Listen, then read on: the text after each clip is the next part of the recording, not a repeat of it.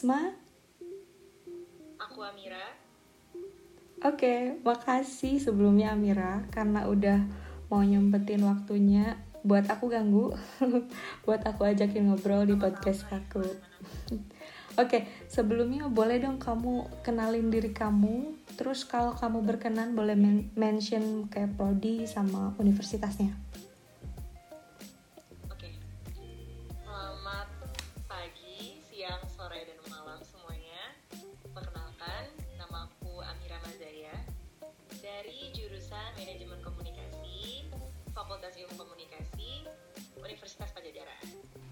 Semuanya. Salam kenal Bu Am. Jadi sedikit perkenalan juga, Amira ini adalah koor kelas atau atau mata kuliah OKK di Unpad banget. yang sangat-sangat apa ya, yang sangat punya hmm, semangat gitulah kalau kelas tuh. Aku favorit banget Amira emang.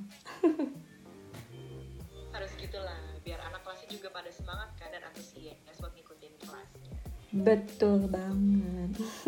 Oke, kali ini aku mau ngulik-ngulik tentang prodi kamu yang sejujurnya aku baru denger ketika kita pertama kali kenalan, yaitu manajemen manajemen komunikasi ya. Hmm. Apa sih manajemen komunikasi itu? Kamu bisa jelasin untuk gimana ya? Singkatnya gitu biar orang awam kayak aku nih tahu gitu.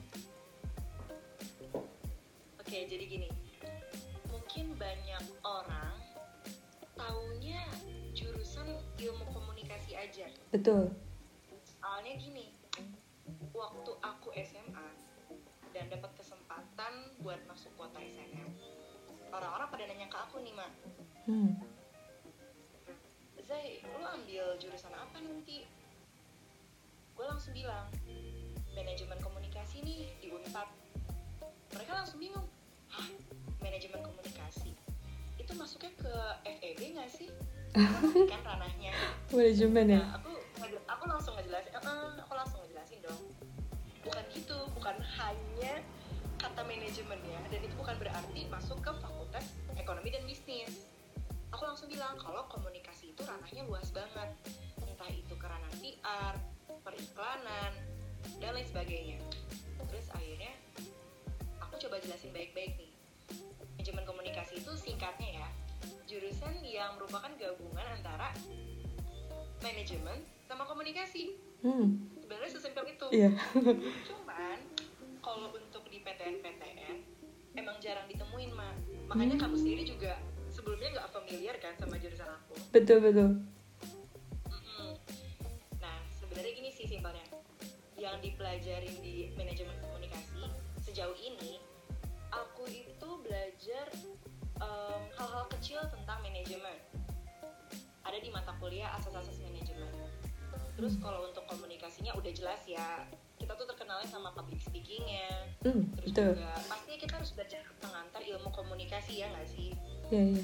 Ya namanya juga anak komunikasi harus belajar dasarnya dulu lah ya kan gitu terus orang pada bingung kan terus apa bedanya dong komunikasi sama manajemen komunikasi nah yang ngebedain itu konsentrasinya kalau misalnya jurusan ilmu komunikasi di universitas lain itu mereka nanti dapat peminatannya di semester 3 kalau nggak salah Hmm.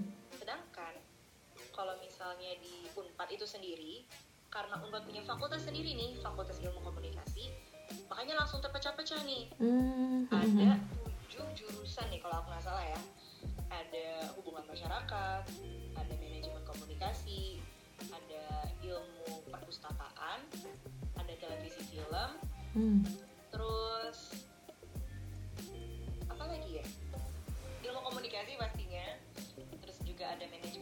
Media mungkin aja sih kalau nggak salah ya maaf ya kalau ada yang tertinggal jurusannya Banyak banget ternyata prodinya. Mm-mm.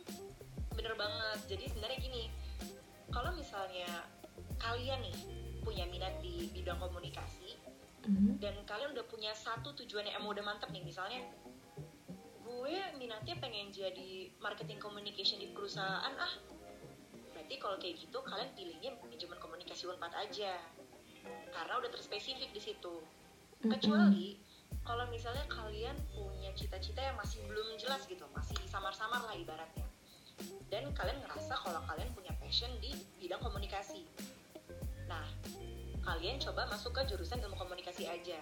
Jadi bedanya sebenarnya yang satu udah terspesifik yang satu masih kompleks sifatnya. Hmm. Nah, em, bedanya jurusan aku sama jurusan lain. Jurusan tuh lain punya di jurusan lain yang kok- ketujuh itu ya? Mm-mm, yang tadi aku sempat sebutin sebelumnya. Mm-mm. Jadi kalau misalnya contohnya nih ya, jurusan hubungan masyarakat, Mm-mm. bahasa Inggris itu public relation. Nah, Iya. di situ udah pasti nanti kalian fokusnya ke bidang public relations. Untuk ibaratnya apa ya? Prospek kerja lah, ibaratnya begitu loh. Yang umum dikenal sama kalian-kalian ya. Nah, sedangkan kalau manajemen komunikasi ya sifatnya yang berhubungan sama ekonomi, tapi kalian mengkomunikasikannya gitu. Jadi nanti untuk prospek kerjanya, entah kalian bisa jadi seorang marketing communication atau kalian bisa jadi communication strategist. Jadi di sini kalian tuh dituntut untuk bisa uh, uh, mengiklankan suatu produk atau suatu brand atau bahkan kalian bisa mencari ide yang sifatnya tuh kreatif untuk suatu perusahaan gitu. Hmm. dan di sini tuh yang paling yang paling ditekanin adalah bagaimana cara kalian mengkomunikasikannya dengan baik dan terstruktur gitu sih ma simpelnya ya biar kalian juga nggak keliru nih komunikasi kok kayaknya luas banget ya tapi aku bingung nih mau masuk ke fokus yang mana gitu. Ini mungkin agak sedikit penjelasan yang sekiranya bisa membuat kalian lebih mengerti lah dengan dunia komunikasi. Ini. Betul yang banyak-banyak, yang banyak banget gitu kan. Terus aku ini sih tertarik sama atau apa ya ternotis sama kata-kata kamu bahwa kalau punya apa ya kayak cita-cita yang spesifik cocok masuk ke prodi yang kamu sekarang ini.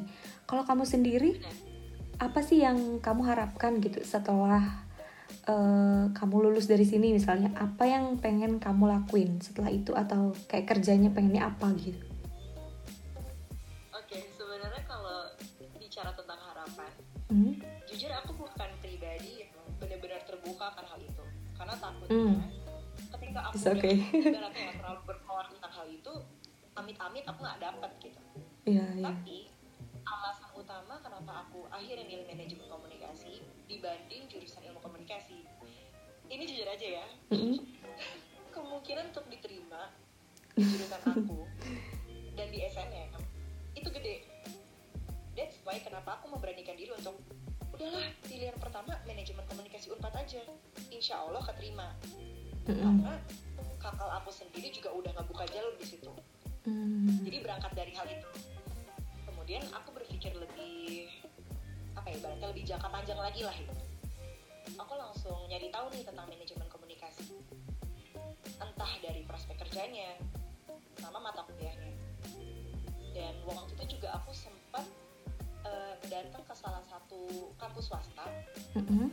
dan di situ tuh ngejelasin dua fokus dari eh, jurusan komunikasinya itu ada marketing communication sama mass communication kalau marketing communication itu bekerja di perusahaan tapi kalau mass communication itu dunianya tuh media nah dari situ aku tertarik banget nih sama kata-kata marketing communication yang sebenarnya definisinya tuh mirip sama manajemen komunikasi Hmm. aku cari tahu nih prospek kerja itu kayak gimana dan nantinya bakal terjamin gak nih prospek kerjanya gitu soalnya zaman sekarang kan ini ya em, untuk nyari kesempatan kerja kan susah banget ya Mak. betul mau yang sampai pendidikannya tinggi pun kadang masih susah aja gitu nyari iya dan karena dengan hal itu aku langsung mikir kayaknya aku pilih jurusan yang mungkin gajinya nggak terlalu besar kalau Mhm. misalnya kerja di perusahaan yang bukan internasional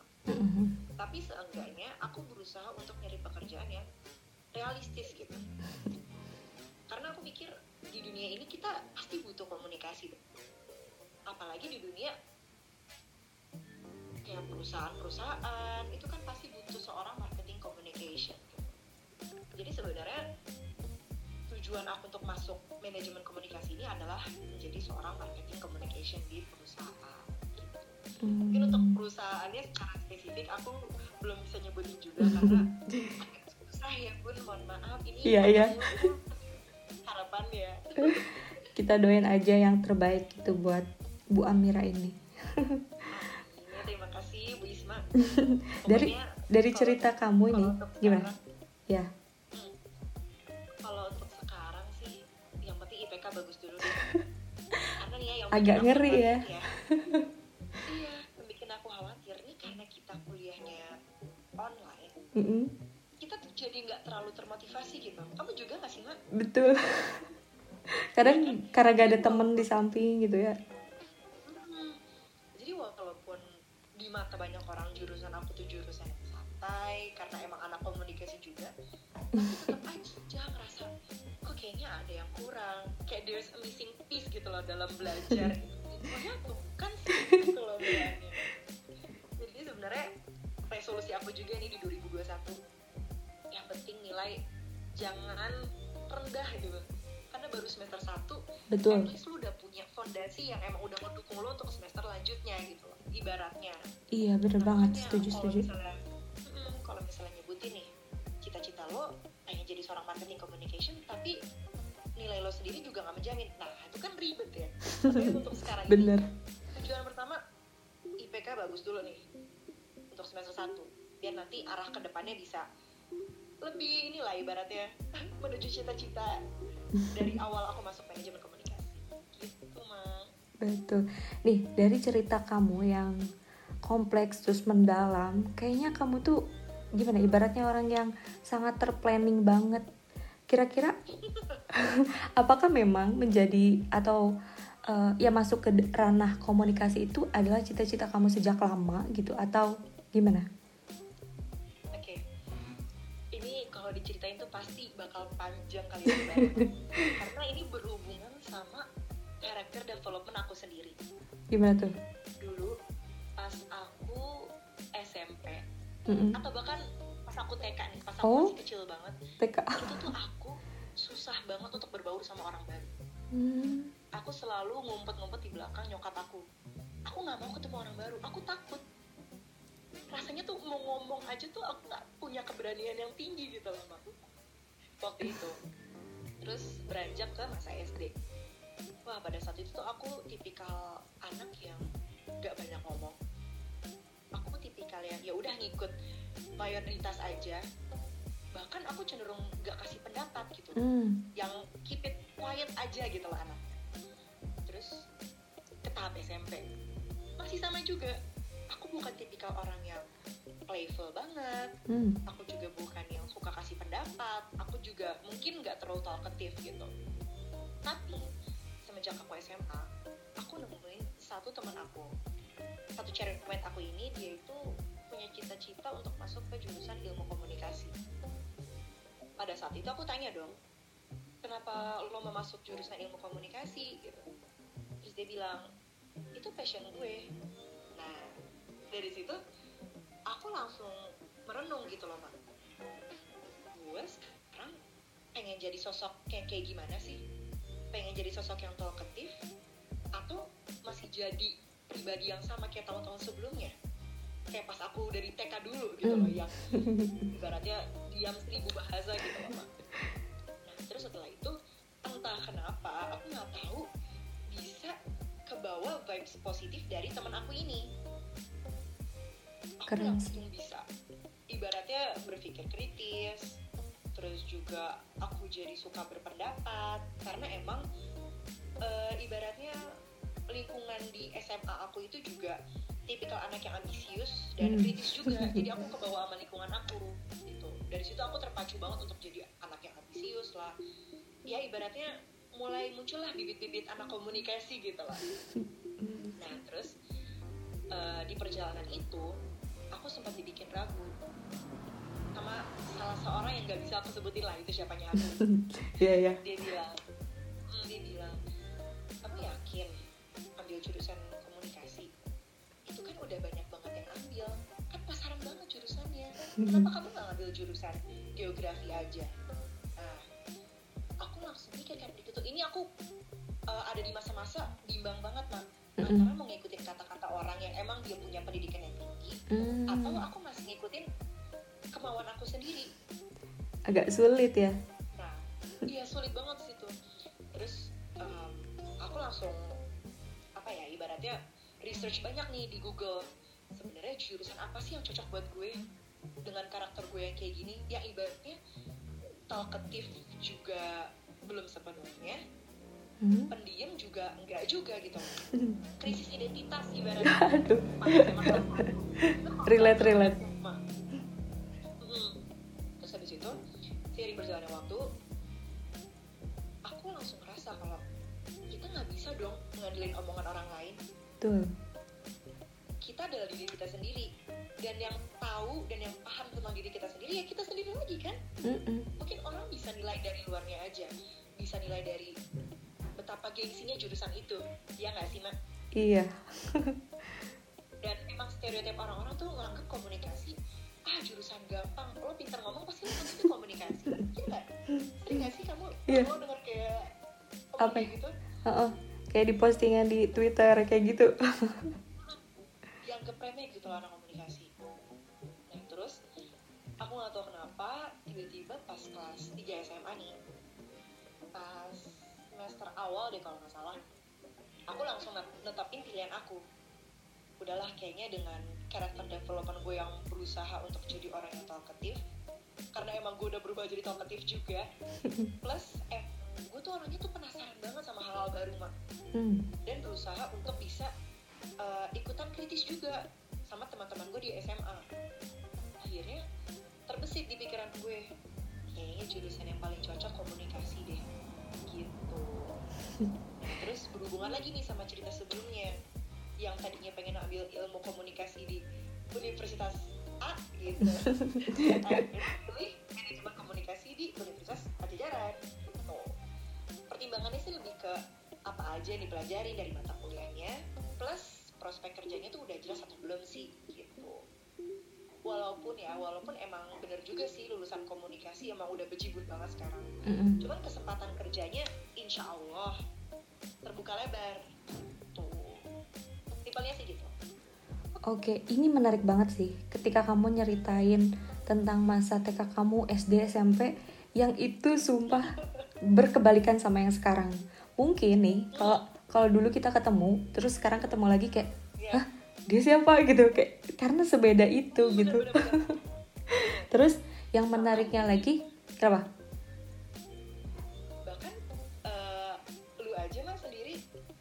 Awal kenal sama gue mungkin gue belum terlalu terbuka kali ya apa karena online atau karena emang diri gue belum berani untuk open up sama kalian-kalian nih Iya. kelas OKK 70 nih ya nggak sih? Kayak formal banget, kakak tingkat banget Iya, ini mah gitu. banyak yang bilang ini asdos kali ya Hmm, gitu iya, kan iya, iya, iya, iya. karena emang gimana ya penyesuaian diri itu penting kucing penyesuaian diri itu penting Hmm, lu ada di lingkungan yang ibaratnya tertutup lo pasti ikutan diem gitu. Iya, iya. tapi kalau lo ada di lingkungan yang emang anak-anak yang ambisius dan terbuka lo pasti ikutan terbuka. Itu untuk pribadi yang kayak aku ya.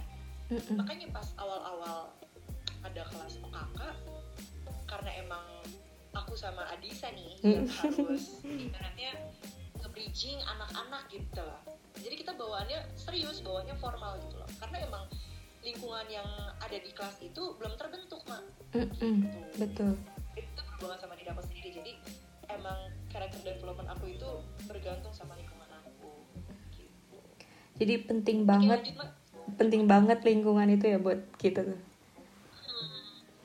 Terus ini, kan, kan tadi kamu bilang kamu tadinya pendiam, terus akhirnya termotivasi sama teman, akhirnya jadi lebih aktif gitu. Emangnya untuk untuk masuk kom- ilmu komunikasi atau eh, ya komunikasi in general gitu, haruskah jadi seseorang yang komunikatif gitu? Artinya orang yang pendiam, pemalu gitu, emang nggak bisa survive ya di sana? ini menarik banget banget banget sih sebenarnya gini kalau misalnya bicara kenapa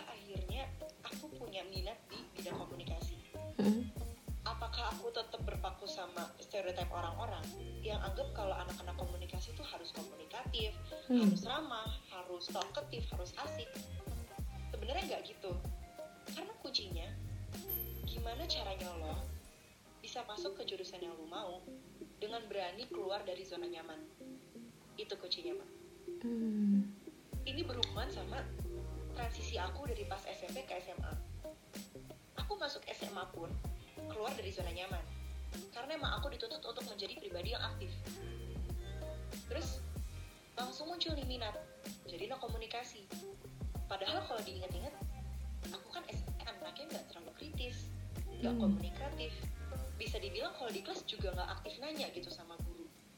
Tapi karena aku punya sebuah tekad yang bulat gitu ya ibaratnya udahlah ini kayak jurusan emang klop di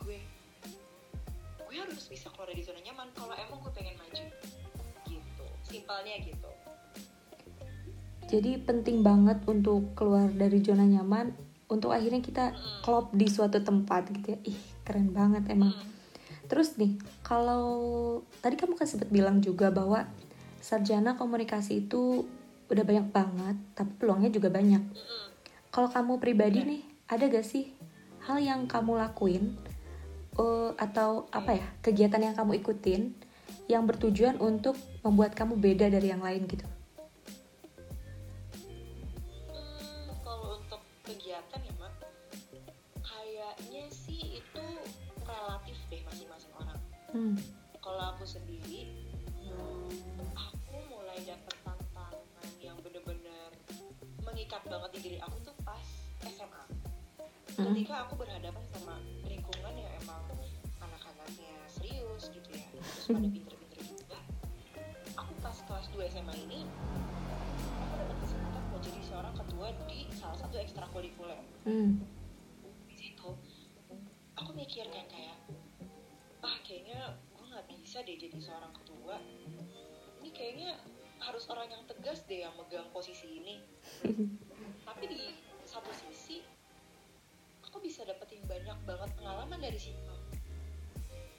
Entah itu dari masalah-masalah yang aku hadepin di ekstrakurikuler atau aku sendiri atau bahkan pengalaman leadership juga Hmm. jadi emang kalau urusan kegiatan itu nggak bisa bener-bener dipatok secara spesifik tapi bagaimana caranya kalian semua nih para pendengar podcastnya Bu Isma berusaha untuk nyari celah gitu Hmm. kalian dapat satu kesempatan kalian ambil aja mau kalian siap atau enggak tapi kalian kalau misalnya udah berusaha untuk keluar dari zona nyaman dan kalian bisa konsisten serta konsekuen terhadap hal itu insya Allah bakal dapat pengalaman nantinya yang berharga banget buat kalian jujur waktu awal-awal aku dia namanahin aku sempat trust issue sama diri aku sendiri tau mak Hmm.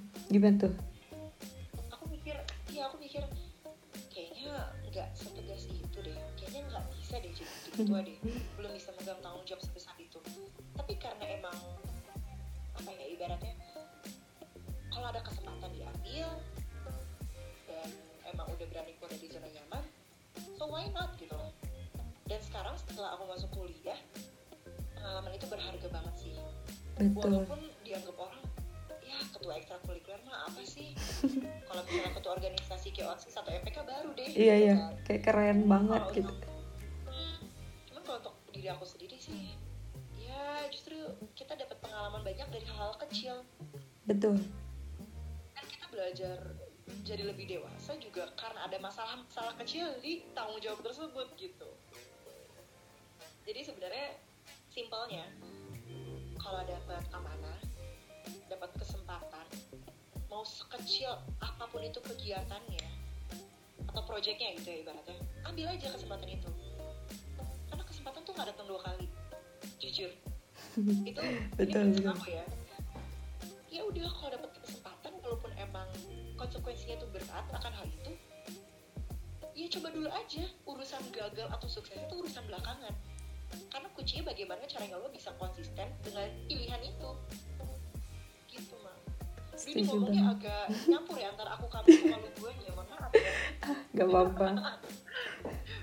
Keren banget sih, maksudnya eh, aku dapat hal-hal yang baru juga sih dari kamu tentang pengalaman kamu, terus bagaimana kamu meng- menghargai setiap hal-hal kecil yang dilewati gitu. Dan kita tadi-tadi udah bicarain tentang kamu gitu, tentang kamu dan uh, prodi kamu.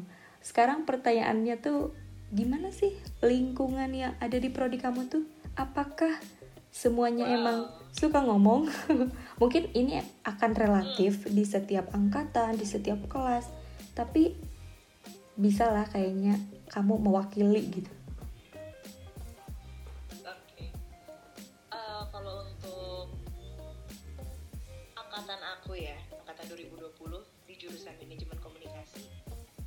alhamdulillahnya aku masuk ke angkatan yang emang anak-anaknya tuh pada antusias banget satu sama lain. Hmm. Contohnya gimana? Walaupun ya, walaupun kita belum pernah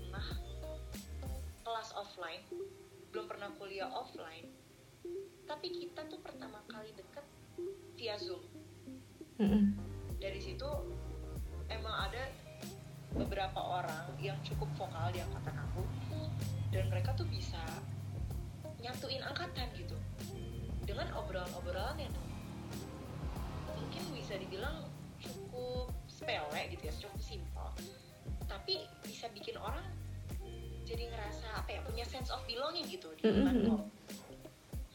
jadi dari zoom itu kita perlahan terbuka satu sama lain. Entah cerita tentang kisah asmara kita atau mungkin tentang masalah keluarga atau mungkin soal teman dan lain sebagainya. Jadi ibaratnya dari obrolan-obrolan yang ibaratnya sifatnya pribadi tapi karena kita semua open minded open minded gak tuh anak-anak zaman sekarang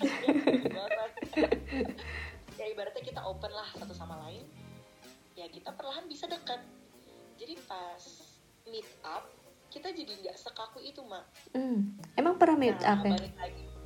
Pernah anak-anak mankom. Hmm. tapi buat yang domisilinya di Jakarta dan sekitarnya. Hmm. sayangnya ada beberapa teman aku yang emang tinggal di luar kota jadi nggak bisa ikutan dulu. Cuman uh, untuk beberapa anak di angkatan aku sih udah lumayan deket lah. Ya karena faktor anak komunikasi juga kan ya. Anak-anaknya kan pasti banyak ngomong. Kalau satu nyerocos ya satu juga nyerocos. Satu cerita yang satu juga nanggepin. Begitu pun sebaliknya gitu. Jadi emang kadang stereotype anak-anak komunikasi yang emang bacot gitu ya itu bener. That's bener. why uh, uh, that's why kenapa aku juga ngerasa nyaman di Mankom 2020 gitu tapi bagi aku cerita kamu tentang kalian deket lewat Zoom itu nggak mengherankan gitu nggak bikin terkejut. Karena kamu sendiri bisa gitu ngehidupin kelas yang aduh yang tadinya nggak kenal siapa-siapa hingga akhirnya kita bisa bikin hadiah buat Pak Leo. Itu keren banget sih. Dan aku yakin banget untuk kamu sendiri di kelas kamu di prodi kamu tuh bakalan emang seseru itu gitu. Karena kamu sendiri aja kayak gitu. Apalagi rame-rame gitu.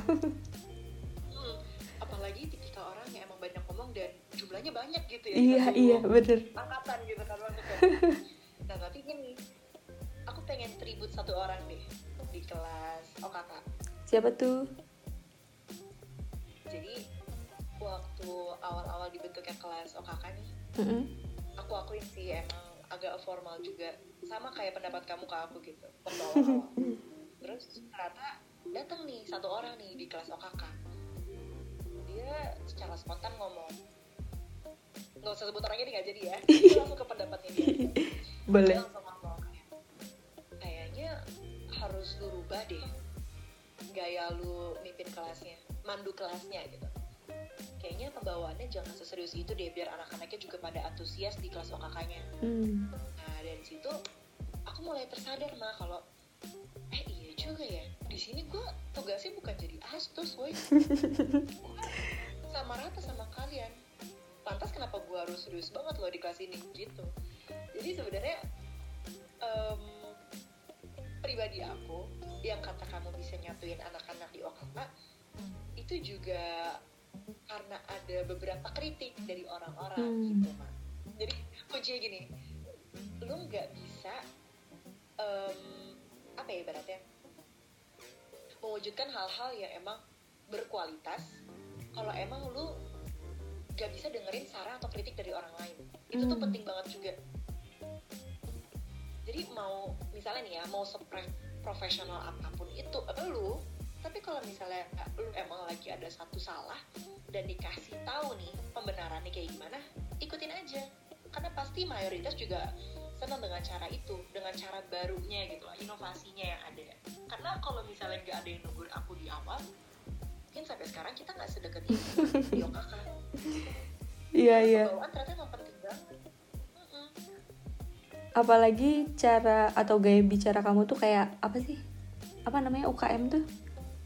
Yang protokol Gitu itu protokoler kan? Iya emang gayanya emang kayak gitu.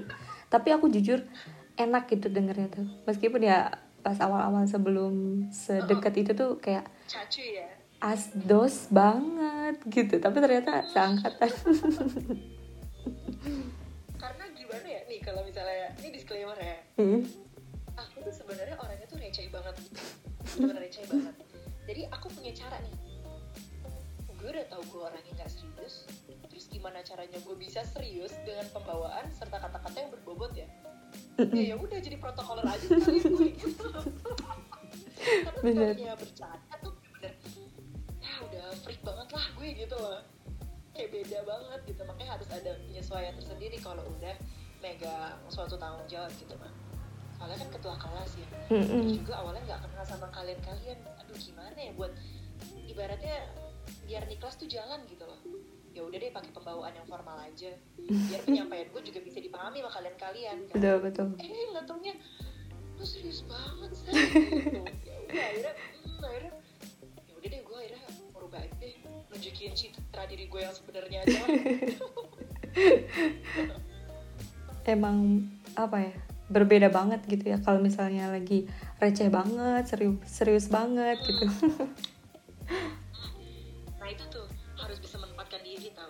Betul. kalian kalian juga kalau misalnya emang orang lagi pengen serius ya kalian juga harus serius gitu loh tapi di saat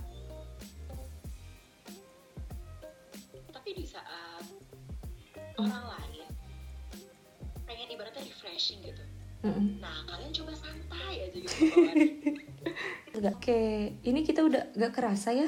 Kita udah ngobrol selama 35 menit. Mungkin ini Aduh, kebanyakan eh, tapi cerita ya komunikasi banget ini anak komunikasi banget. harus gitu dong menunjukkan identitas iya, betul, biar percaya.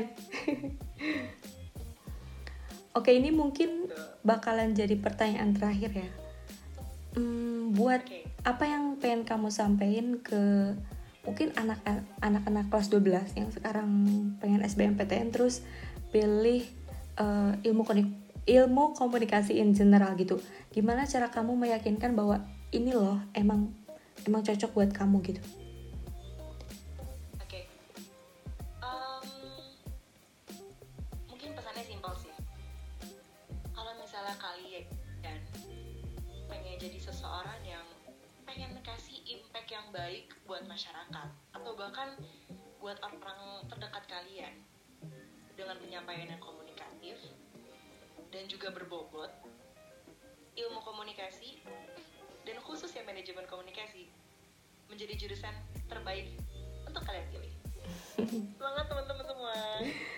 Banget. Makasih Amira eh, atas waktunya. Sama-sama. Pokoknya Sama-sama aku bener-bener bela- belajar banyak hal baru banget dari kamu tentang cerita kamu tentang seluk beluk mungkin nggak begitu seluk beluk sih tapi setidaknya aku tahu gitu tentang eh, ilmu komunikasi atau manajemen komunikasi mungkin itu aja yang bisa kita obrol ya mungkin itu aja yang bisa kita obrolin di hari ini. Makasih buat teman-teman yang udah dengerin podcast aku sama Amira. Semoga bisa mengambil ya manfaatnya lah hikmahnya lah dari percakapan kita ini. Dan Amin, ya. amin, dan ya dengerin aja dulu. Siapa tahu suka. Amira sampai jumpa semuanya thank you